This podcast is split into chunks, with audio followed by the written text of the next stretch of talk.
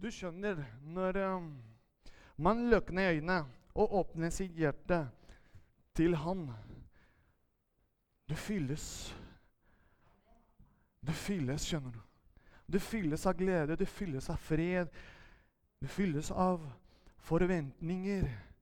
Og der hvor pappa Gud kan fylle bekymring, tvilelser, kan fylle med sin fred og all dette, bekymring, tvilelser, frykt, det forsvinner.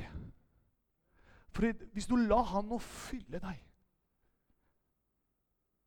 med sitt nærvær Det blir en forskjell. Og jeg merker det når dere er her. Å prise Herren. Det kjennes at dere er fullt av det. Og det er opp til deg og til meg der du blir smitta av Den hellige ånd. Eller Spiritus Santo. Nå skal jeg være frimodig. Det som kommer fra himmelen, det skal jeg formidle til dere. Er vi klare? Amen. Vi begynte med temaet ærekultur. Og Det var mange som lurte på hva er det for noe. Fernando? Ærekultur det er en av mange prinsipper som Gud i sitt rike har gitt oss gjennom sitt ord. Og Vi begynte med ydmykhet. Og For å gi deg en liten oppsummering av det på en måte jeg eh, formidla den søndager Det er en av de Guds rike prinsipper at alle kristne må ha i sitt liv. Det å ære Gud først og fremst. Det å hedre Gud, det å tilbe Han i alt det du gjør. Men eh, som i disse dager, samfunnet og alt som jeg sa denne søndager, at når du hilser 'Tusen takk, min kjære kone' å. Det å hilse på hverandre, det å på en måte ta initiativ til å gi deg et smil til den som er rundt deg eller sitter ved deg. Eller Derfor vi praktiserer det her i Guds hus når vi kommer sammen. Vi prøver å gjøre det i praksis. Det er ikke bare teori. Og som jeg sa Når du hilser til og med til de kristne, eller når du, høl, når du holder døra, f.eks. når du skal gå inn på en plass, og så du holder døra, og alle kommer inn Det er ingen som sier takk.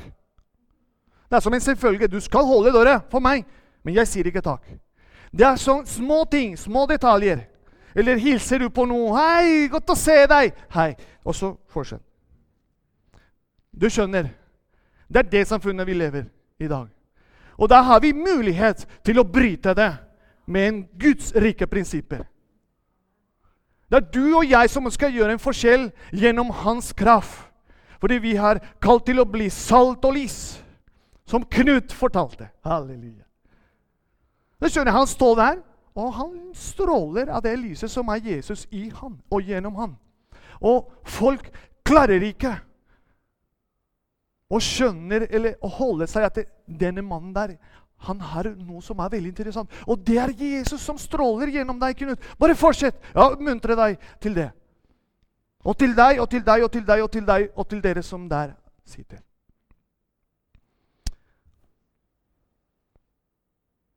holdninger og handlinger. Dere, jeg kommer til å fortelle en gang til den historien den, av den barn som hørte foreldrene sine. Den kommer jeg til å si. Men eh, det, det verset som jeg nevnte, det var Romene kapittel 12, 10. Elsk hverandre inderlig som søsken. Sett de andre høyere enn dere selv. Og de andre versjonene i Bibelen, som er i Guds ord-versjon, det står 'vær elsk, elskverdige' og kjærlige mot hverandre i søskenkjærlighet. Vær fremst i dette og vise de andre ære. Men i dag skal vi gå en kapittel opp. Altså det er Romene kapittel 13, vers 1 og 2. Så hvis du kan gå til din bibel eller mobiltelefon eller det du har Hvis du har ikke det, da kommer det på skjermene. Vi leser i Jesu navn. Enhver skal være lydig mot de myndigheter han har over seg. Det finnes ingen myndigheter som ikke er fra Gud. Og de som er ved makten, er innsatt av Gud. Den som setter seg opp mot dem, står derfor imot Guds ordning, og de som gjør det, skal få sin dom. Amen. Sier vi amen til Guds ord? Ok. Er du klar? Hvordan skal vi som kristne forholde oss til makt og myndigheter? Hvilken stilling skal vi ha til de som styrer landet vårt? Norge, Venezuela eller det landet du representerer her, Colombia, Ecuador? Jesus, Paulus og Peter har klare retningslinjer for dette. og Jeg skal komme tilbake til det. Jeg skal vise dere gjennom Guds ord hvordan vi skal forholde oss til makt og myndighetene. Men eh, det er en nøkkelur som jeg vil nevne her. Og vi skal gå gjennom det. Respekt for autoritetene og myndighetene. Fernando, jeg har altfor ofte lagt merke til at det finnes kristne og ikke-kristne som smir sine våpen og retter sitt ufine og respektløse korstog mot styremaktene, enten det er personlig fordommelse av politikere eller andre ting, eller fordommelse, kritikk av kongehuset Null respekt og forståelse for staglig regulering eller nedsabling av politikere, hvor man ikke verdsetter jobben de gjør for folket. Nå kommer jeg til en område som er ganske kritisk i det siste her i vårt land. Og jeg, jeg kan snakke om Venezuela også. Jeg håper at alle tar seg til dette. Et viktig budskap som vi hører ikke ofte i menighetene hvordan vi skal forholde oss til autoritetene og myndighetene som Gud har innsatt der med én hensikt. På godt og vondt. Det er ikke lett for å ta det en veldig eksempel og be til Gud må du velsigne presidenten i Venezuela. Etter jeg ser med mine øyne hva som skjer i mitt land. Det er bare en eksempel. Men jeg må gjøre det fordi det står her. Hvert menneske skal underordne seg de styrende myndigheter. Og det innebærer meg. Det står ikke hvert kristne eller hver, de, hver person som går til menigheten. Nei. Hvert menneske skal underordne seg de styrende myndigheter. Vi skal velsigne dem og be for dem. Nå snakker jeg om politikkene. Det jeg vet det er vanskelig, det er vanskelig, Fernando. Hvordan jeg skal gjøre det? Gjennom Han. Den ekte kjærlighet, den overnaturlige kjærlighet som vi klarer ikke å forstå, den skal påvirke i deg. Og da skal du klare det. Vi skal respektere dem og tiltalte dem med verdighet. Konge i Norge. Hvor mange av dere ber for kongehuset nå? Ja, nå skal, Neste gang hvor mange ber for kongehuset, da kommer hele menigheten. Sånn. Da gjør vi det som vi leser og lærer av Gud, i praksis. Da har du en motiv til i kveld for å be.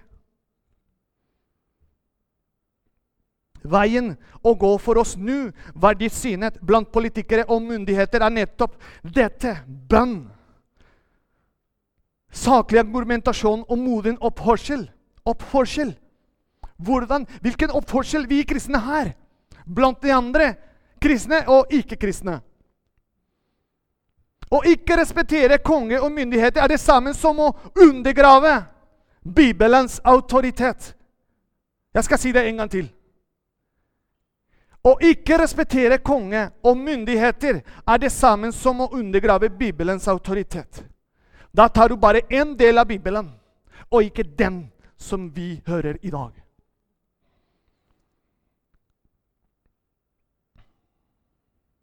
Be for å velsigne regjeringen, Stortinget, departementene og kongehuset hver dag. Hver eneste dag. Det er din og min oppgave som kristne, som Guds folk. Da kan vi få se myndighetspersoner blir frelst. Amen! Og at Gud gjør i det skjulte. Og på en helt annen måte om vi forventer. Med disse personenes verdisyn. Det er mange eksempel her i Guds ord. At vi ser Daniel, vi ser David, vi ser Moses, Moses og Josva. Det er mange eksempel. Disse heltene som er her, de viser oss i praksis hva de gjorde i forhold til å underordne seg. Jesus sjøl. Jeg skal vise dere.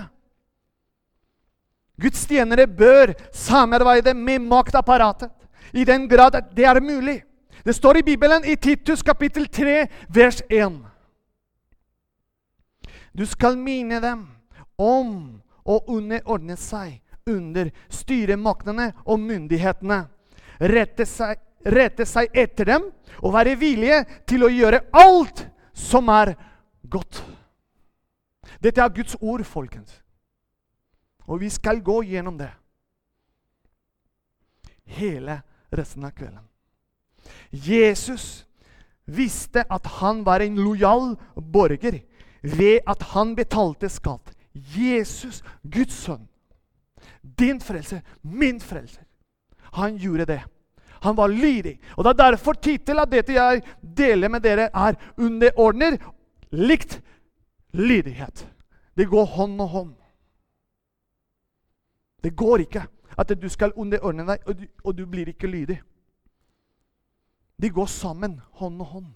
For Jesus og de andre tjenere, Guds tjenere, viser her. Det står i Matteus kapittel 17, vers 27. Men for at vi ikke skal støtte dem, så gå ned til sjøen og kast ut et snøre. Ta den første fisken du trekker opp, og når du åpner gapet på den, vil du finne en statter. Den skal du gi som skatt for meg og deg. Han betalte skatt. Kristne bør betale skatt med glede.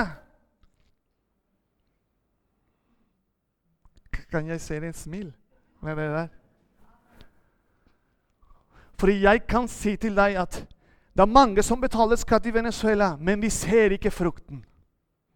Men her ser du frukten på forskjellig måte. Derfor er det nødvendig å underordne seg. Ikke bare av frykt for straffen, men også for samvittighetens skyld. Dere betaler jo skatt. Jeg også betaler skatt. Og myndighetene er Guds tjener og er satt til å ta seg av dette. Oppfyll deres forpliktelser mot alle. Betal skatt til den som skal ha skatt, og toll til den som skal ha toll. Vis respekt igjen. Da kommer det ordet.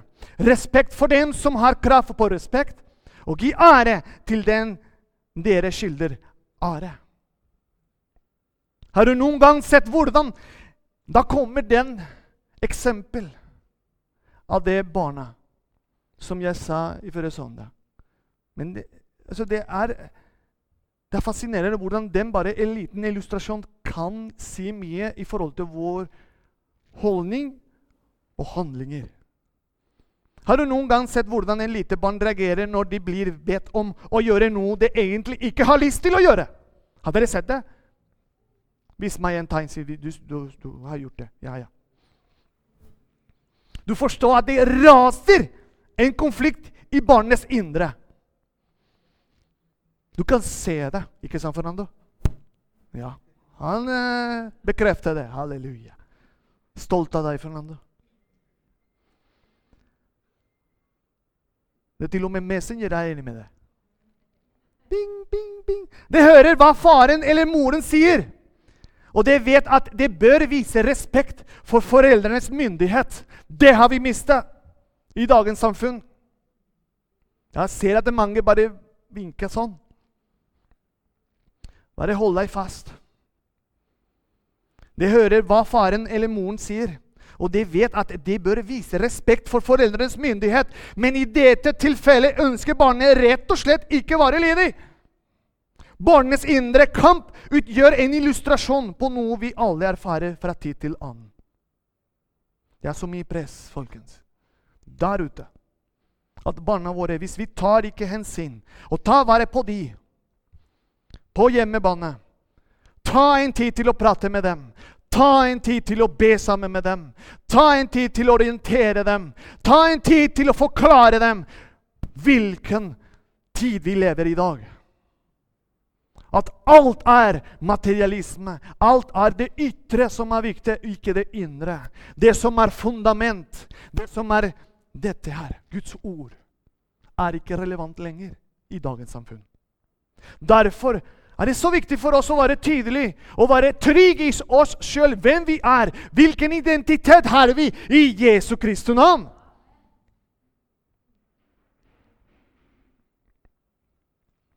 Jeg håper det går bra med Rolf Harry også.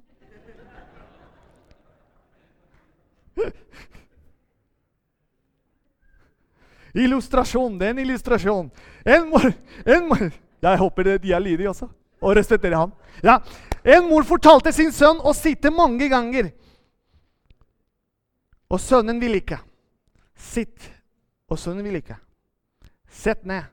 Nei, jeg vil ikke. Sett ned. Vær så snill. Nå. Nei, jeg vil ikke. Til moren grep han ved armen og satte han ned. Nå syter du. Gutten sa til sin mor med utfordrende øyne sånn.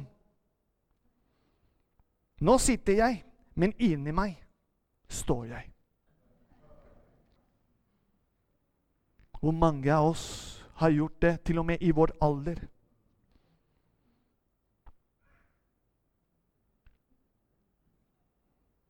En annen eksempel er når faren din forteller sin sønn å gå for å kaste soppel, og barnet hevder at soppelpulsen skal kaste den bort. Du er lyder, men din holdning er ikke riktig. Det har jeg hørt. Jeg sier det til henne, jeg sier det til ham, men de bare gjør det med en, en helt feil holdning. Men de gjør det. Nei, men det, det er feil. Hør hva Guds ord sier i forhold til holdninger og handlinger. Jeshaja kapittel 29, vers 13. Herren sa, fordi dette folket holder seg nær til meg, og det er bra, med munnen og ære meg med leppene. Det høres veldig bra ut, men hør nå på slutten. Men hjertet er langt borte fra meg. Og fordi den frykt de har for meg, er til lærte menneskebud. De viser noe med det ytre, men i det indre er helt motsatt. Og vi har blitt kalt til å leve det som står her. Daglige, ikke bare på søndag, folkens. Dette er relevant Daglige, det er ikke bare på søndag. Og da viser du respekt til Gud. Og samtidig viser du respekt, ærer du Han med dine handlinger og handlinger daglige. Vi viser også respekt for myndighet og kjærlighet, av kjærlighet til våre medmennesker. Hvordan det, Fernando? Jo, tenk deg at du er en soldat i en hær. Hærens muligheter til å seire, ja, selve dens mulighet til å overleve, avhenger sannsynligvis av at hver soldat samarbeider med, adlyder og viser respekt for dem som gir kommandoer. Hvis du hadde undergravd en slik organisasjon ved å gjøre opprør, kan det være at alle dine medsoldater blir, var blitt utsatt for fare. Det er ingen tvil om at menneskelig hærstyrker forårsaker enorme ødeleggelse i dagens verden. Det er noe som er i vår natur, som reiser seg med en gang når det gjelder det å underordne seg og være lydig. Det er vår menneskenatur, så ikke føle deg Det er bare meg. Nei, det gjelder alle sammen. Det er menneskenatur som det eneste mulighet til å avbryte det, det er å være lydig til det som står i boka. Bibelen, Guds ord. Kan jeg høre en forsiktig amen? Veldig bra. Hvis vi skulle gjøre, gjøre opprør mot de mennesker som Gud har gitt myndigheter over oss, ville vi ikke da sette våre åndelige medsoldater i fare? Når en kristen gjør opprør mot utnevnte eldste, kan det gå ut over andre i menigheten. Når et barn gjør opprør, kan det gå ut over hele familien. Så vi viser våre medmennesker kjærlighet ved å framelske en respektfull og samarbeidsvillig holdning. Familien. Jeg går inn i området nå til familien. Jeg har vært med myndigheter og autoritetene, men nå går jeg til det ene området, familien, som er mange her som har sitt familie. Det er Gud som har innstiftet familieordninger. Ettersom han er en ordens Gud, har han organisert familien på en slik måte at den kan fungere godt. Veldig godt hvis vi følger og er lydige til det som står her. Han har gitt ektemannen og faren Nå skal dere høre ektemannen og faren myndighet til å være familiens overhode. Ektemannen viser respekt for sitt hode, som er Kristus Jesus. Og alle mann sier amen. Ved å etterligne den måten Jesus leder menigheten på. Det er vår eksempel. Det står i Efesene kapittel 5, vers 23.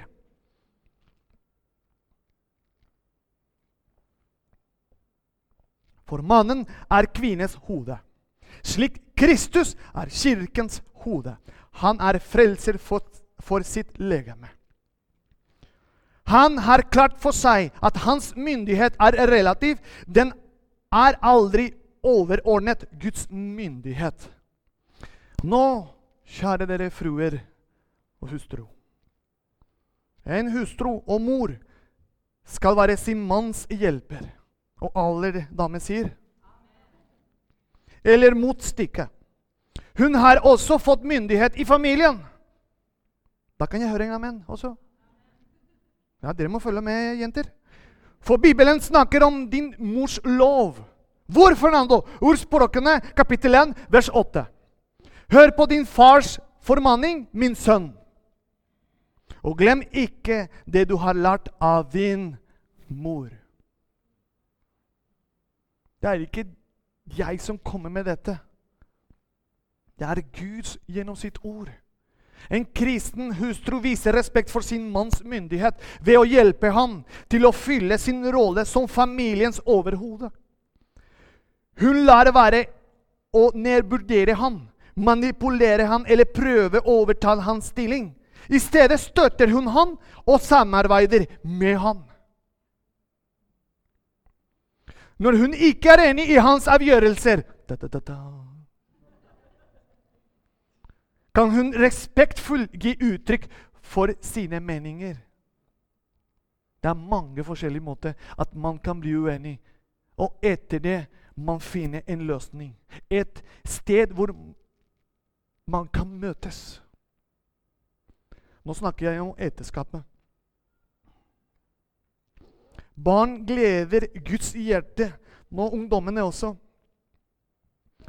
Når de er lydige mot sin far og sin mor. Uansett. Hører veldig godt ungdommene.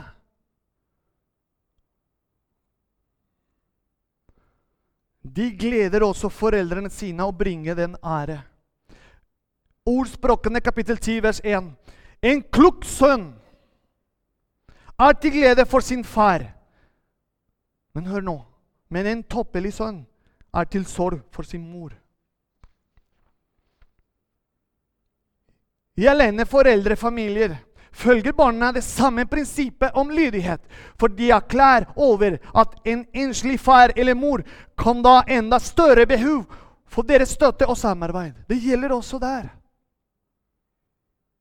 I familier der alle medlemmer fyller de rollene Gud har gitt dem, rør det stor fred og glede hjemme. Amen! Det kaster glans over han som står bak familieordningen. La oss gå til menigheten-området nå. Vi har gått til politikkene, myndigheter, familier, og nå går vi til menigheten. Det å underordne seg og lydighet, det går hånd og hånd. Det er fascinerende hvordan Gud viser oss i alle disse områder som kanskje du har ikke hørt før. Eller har du hørt, men mange, mange år siden. Jeg vil vise først den første bildet av pappa og mamma. som dere kanskje de fleste kjenner, det er pappa og mamma. De er helter i mitt liv. Derfor jeg vil vise dere mine helter. Jeg ærer dem. Derfor viser jeg bildet. Uansett. De har gjort feil i sitt liv. De har gjort feilavgjørelse i sitt liv. Men uansett, jeg elsker dem og ærer dem. Og det må du gjøre også hvis du, hvis du har en far og mor. Uansett! Hør hva jeg sier. Jeg er din pastor og vil, vil at Gud skal velsigne ditt hjem. Føle det som står her. Ære dem. Ære foreldrene dine. Og For det andre vil jeg vise i forhold til menigheten åndelig, min åndelige hjem. Det er disse tre personer. Pastor Joao, pastor Theodor og pastor Joel. Disse tre personer har gjort en forskjell i mitt liv. Derfor vil jeg vise dere at disse tre pastorer med sine familier de har påvirka oss og lært oss av det dere ser i dag i meg og i Andreina og guttene mine. De har lært meg gjennom Guds ord, ikke min, sine egne tanker, men gjennom Guds ord, det å vise respekt. Det å ære Gud med våre handlinger og håndlinger. Det å underordne seg. Joao, Theodor og Joe. Uansett, jeg ærer dem. Ikke misforstå meg, for det er det jeg vil påpeke og markere veldig tydelig. Det er ikke underkaste, det er underordne seg. Være lydig. Fordi det er disse mennene som Gud har brukt i mitt liv.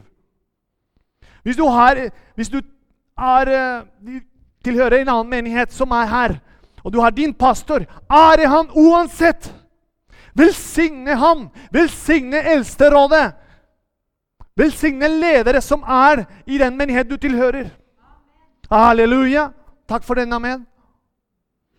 Det høres sterk, for i, i disse dagene vi lever, det er ikke viktig å ære min lever. Han er ansatt, og han må bare gi meg ord. Punktum. Det høres veldig strengt ut, men jeg må bare si det. For vi har mistet essensen til å leve hva som står her. Jeg ber for disse mennene og deres menighet. Neste, Om to uker jeg skal til Tyskland, for jeg ble invitert til å tale. Og den menighet jeg begynte å lære Guds ord, og det er pastor Theodor. Pastor Joao det er fra Madeira, Portugal. Det er der hvor jeg, eh, Andrine og jeg tok imot Jesus. Det var han som Gud brukte til å bygge inner og lære oss om Guds ord. Og pastor Joe det er i Tyskland også.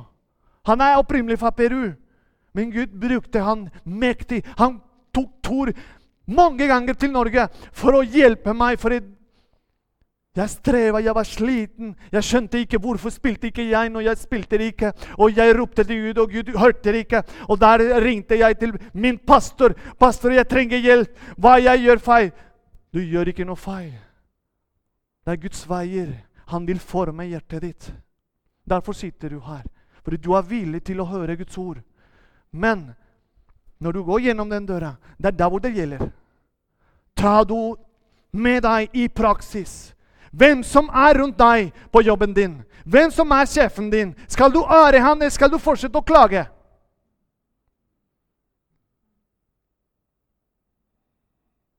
Hvem som er pastoren din, skal du fortsette å klage på han, eller skal du velsigne han? Uansett. For det er ikke jeg som sier det, det står her veldig tydelig. Det har jeg lest mange ganger nå.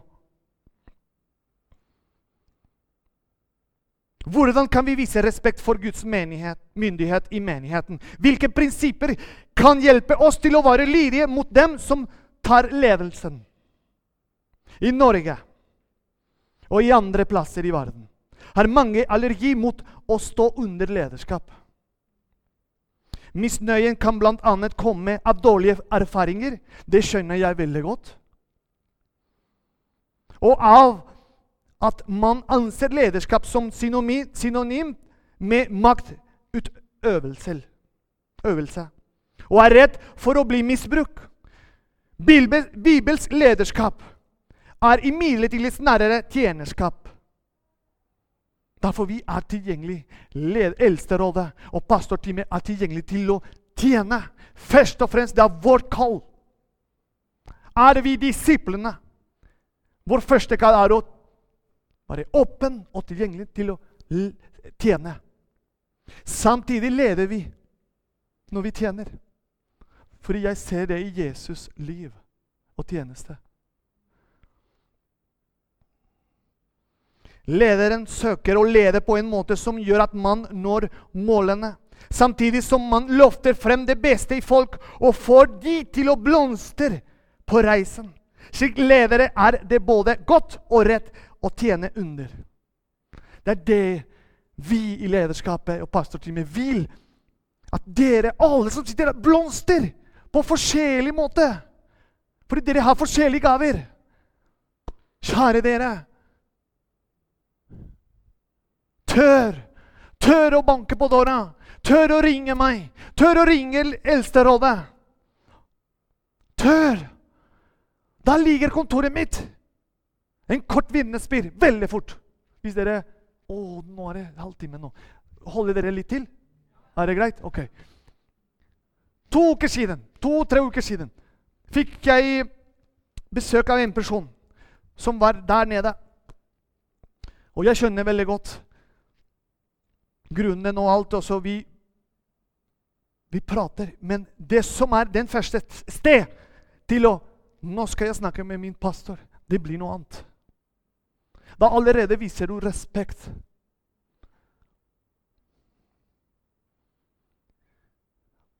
Og da begynner jeg å be for den personen. Og holde samtaler. Og i løpet av to-tre uker Den personen er en helt noe annen person. Da er ikke bare at han kommer, eller henne kommer, men i, rundt seg Mennesker merker det. Forskjell. Hva er det som skjer med deg? Hva gjør du? Kan du gi meg den eh, fastlegen din eller psykolog eller medisin du tar? Nei. Da snakker jeg med min pastor, og vi ber sammen til Gud. Hæ? Ja, det er det. Det er handlinger og holdninger sammen, det som står her. Dere har hørt mange ganger at jeg ber for deg, og jeg skal fortsette å gjøre det. At jeg skal se den potensial og kommer ut. Dere ser her disse som spilte nå. De har vært her fra små. De har vært i Betakis og Mini-Beta. Og se, det er mange av dere som som har sett de fra de var små. Er, det ikke fantastisk å se de her og spille og synge og lovprise Herren? Er det ikke fantastisk, det?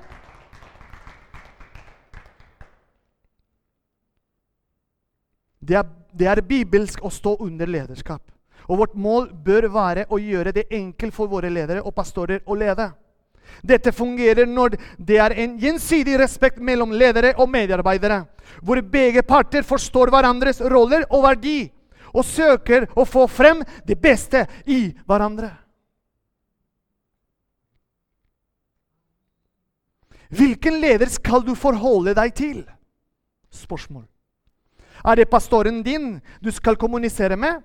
Er det en bestemt person i lederskapet? Eller er det en annen som er din nærmeste leder i menigheten din? Dette skaper tydelighet og gjør at man kan gå frustrasjon i kommunikasjonen. Nei, Fernando er så opptatt. Han vil ikke høre på meg. Det har jeg hørt tidligere. Men jeg sier det her åpen og tydelig. Jeg har aldri kommet til å si til deg 'jeg er opptatt'. Jeg er skikkelig opptatt. Jeg klarer ikke å snakke med deg. Det jeg kan si, er 'I dag har jeg en samtale. Kan vi ta det i morgen? Kan vi ta det senere?' Ja, men jeg skal ta en prat med deg. Uansett. Det er min oppgave. Det er mitt kall.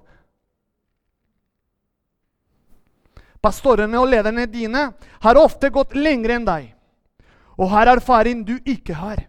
Til tross for at dere kan være uenige på visse punkter, er det viktig å anerkjenne hjertene deres for å bygge kirke og nå mennesker, de som ikke tror ennå. Pass på at du ber for å muntre mer enn du utfordrer, og stiller spørsmålstegn. Det er ikke din jobb å forandre lederne dine, men på en god måte gi tilbakemeldinger. Halleluja. Jeg vil høre tilbakemeldinger. Om jeg, jeg har hørt mange ganger Fernando, du sa det til feil. Din norsk altså Her. Ja, ta imot det med glede.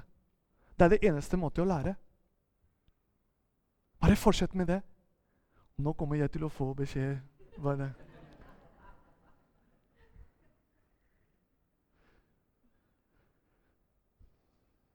Det er ikke din jobb, altså. Å prøve å vise deg. Gud kommer til å bruke deg og vise oss ledere, ledere for å muntre deg. For å se den potensial som jeg sa tidligere. Lederne dine skal oppleve at du tjener med en takknemlig holdning og setter pris på å få lov til å være med og bygge kirke sammen med dem. For, og nå er nesten ferdig. Fredrik, du kan komme opp. Forutsetningen for å lede er selv å anerkjenne at du vil bli ledet. Selv Jesus sto under lederskap. Hæ? Jesus? Ja. Hvis du visste ikke om det. Han, Jesus, sier blant annet i Johannes kapittel 5, 19.: Sannelig, sannelig, det sier jeg dere, sønnen kan ikke gjøre noe av seg selv, men bare det han ser Faderen gjøre. Det Faderen gjør, det gjør også Sønnen. Det er Jesus. Det er vår Herre Jesus Kristus. Som viser holdninger og handlinger. I Filipperne, Paulus, kapittel 2, fra vers 6 til 9. Han var i Guds skikkelse og så det ikke som et rov å være Gud likt, men ga avkall på sitt eget. Tok på seg tjeners skikkelse og ble mennesker likt. Da han sto fram som menneske, fornedret han seg selv og ble lydig til døden. Ja, døden på korset. Derfor har også Gud opphøyd ham til det høyeste og gitt ham navnet over alle navn. Jesus tok på seg en tjeners skikkelse, og derfor ble han opphøyd.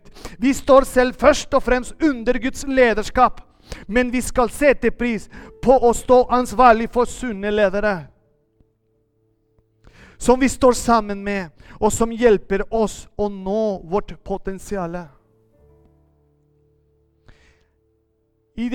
På en engelsk bibel, The Message, i Hebreane kapittel 13, vers 7 og 8, det står følgende Appreciate your pastoral leaders who gave you the word of God. Take a good look at the way they live, and let their faithfulness instruct you, as well as their truthfulness. På norsk betyr det Sett pris på lederne dine, pastorene dine. Vær takknemlig for dem og ha deres utholdenhet som forbilde. Be for lederne dine og oppmuntre dem så mye du kan. Kommunisere med lederen din og behøve for kontakt. Om behøve for kontakt. Sørg for gjensidig forståelse for hvor ofte dere ønsker å treffes. Du er selv ansvarlig for å ta kontakt med lederen din. Du er sjøl ansvarlig for å ta kontakt med lederen din. Om du ikke har hørt noe, ikke klag på lite kontakt, men ta kontakt.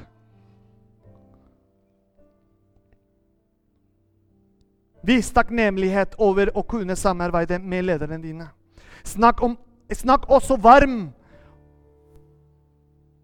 om pastorene, lederne i menigheten, når du besøker andre menigheter. Derfor, Paul, Gud velsigne deg.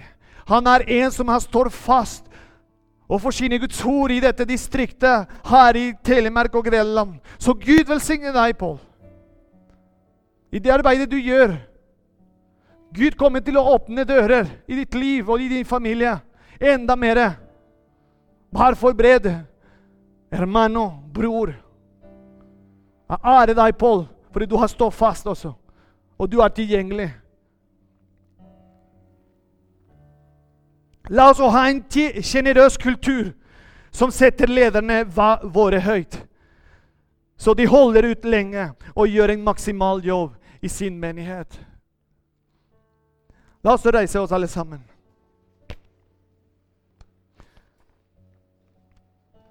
Til slutt Og tilbake av det jeg sa i begynnelsen i forhold til Jesus, Paulus og Peter. Har klare retningslinjer for, for det med å underørne seg og være lydig. Jesus sier at makten er gitt over, ovenfra. Jesus sa til Pilatus, 'Svarer du meg ikke?' sa Pilatus. 'Vet du ikke at jeg har makt både til å gi deg fri og til å korsfeste deg?' sa Pilatus. Se hva Jesus sa. Guds sønn. Som kan han kunne si, 'Pappa, send en engel.' Der er det slutt. Men se hva Jesus, altså hør hva Jesus svarte. Du hadde ingen makt over meg dersom den ikke var gitt deg ovenfra. Derfor har han som har utlevert meg til deg, større skyld. Johannes 19, fra vers 10 til 11. Paulus sier vi skal be for de som styrer. Jeg formaner dere framfor alt til å bære fram bønn og påkallelse. For bønn og takk for alle mennesker.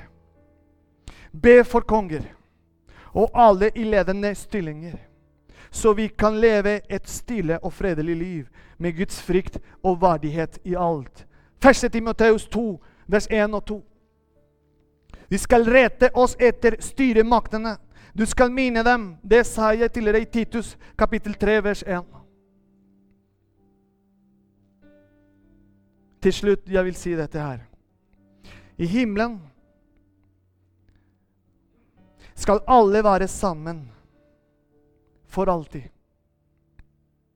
Og da kommer vi til å spørre hverandre hvorfor var vi ikke mer sammen på jorda?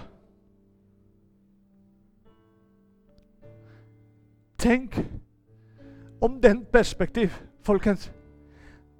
Tenk lite grann at når vi er i himmelen, der er det ikke noe pinse, baptist, Foursquare, Frikirke, Norske kirke. I himmelen skal være alle bare sammen for alltid. Og da kommer vi til å spørre hverandre og se hverandre. Hvorfor var vi ikke mer sammen på jorda? Når du holder hender, når du står sammen med, med din søsken. Det er din familie. Og vi har en pappa i himmelen som tar vare på deg og meg. Så jeg vil til slutt oppmuntre deg til å ha i ditt liv den arekultur som vi har begynt å lære. Leve det daglige. Med dine foreldrene. Med disse som sitter foran deg eller bak deg, som styrer på jobb. Velsign dem. Be for dem. Gud kommer til å, i det skjulte kommer til å gjøre noe kolossalt, noe stor, som kommer til å blåse your mind. Kan vi lukke ned øynene mens Fredrik spiller?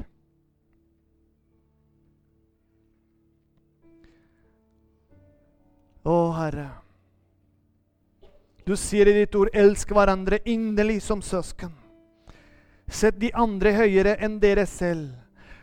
Å, Herre, hjelp oss å gjøre dette i praksis. Å leve det i praksis, Herre. Ikke bare blant kristne, men blant de andre som er rundt oss. Og ære dem, at de ikke anerkjenner. Å, disse personer er annerledes. De ærer meg, og jeg fortjener ikke det, men de kommer og hilser på meg. De kommer til å spørre meg. De kommer til å ta vare på meg. De er annerledes. Og det er det Gud har kalt oss til å være. Vi skal være annerledes på hans måte. gjennom den Guds rike kultur som han vil lede oss i her. Vi har en plass der, på din høyre side, som du kan komme. Det er eh, personer som kan vente på deg der. Som er klar for å ta imot deg og be for deg. Eller her.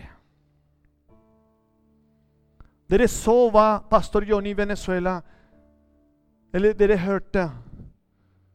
De hadde ingenting materielle sett. Men de har Gud, skjønner du, og det holder. Så lukk ned øynene dine, og du kan holde i hånda den som er ved siden av deg. Hvis du har ingen, gå ut av plassen din og ta hånda til én. Dette er en profetisk holdning. Du skal profetere, men hva er det for noe? Du skal profetere. Du skal proklamere. Du skal velsigne at Gud kommer til å gjøre noe stort i ditt liv. I begynnelse, i det indre, i ditt hjerte, i din måte å tenke.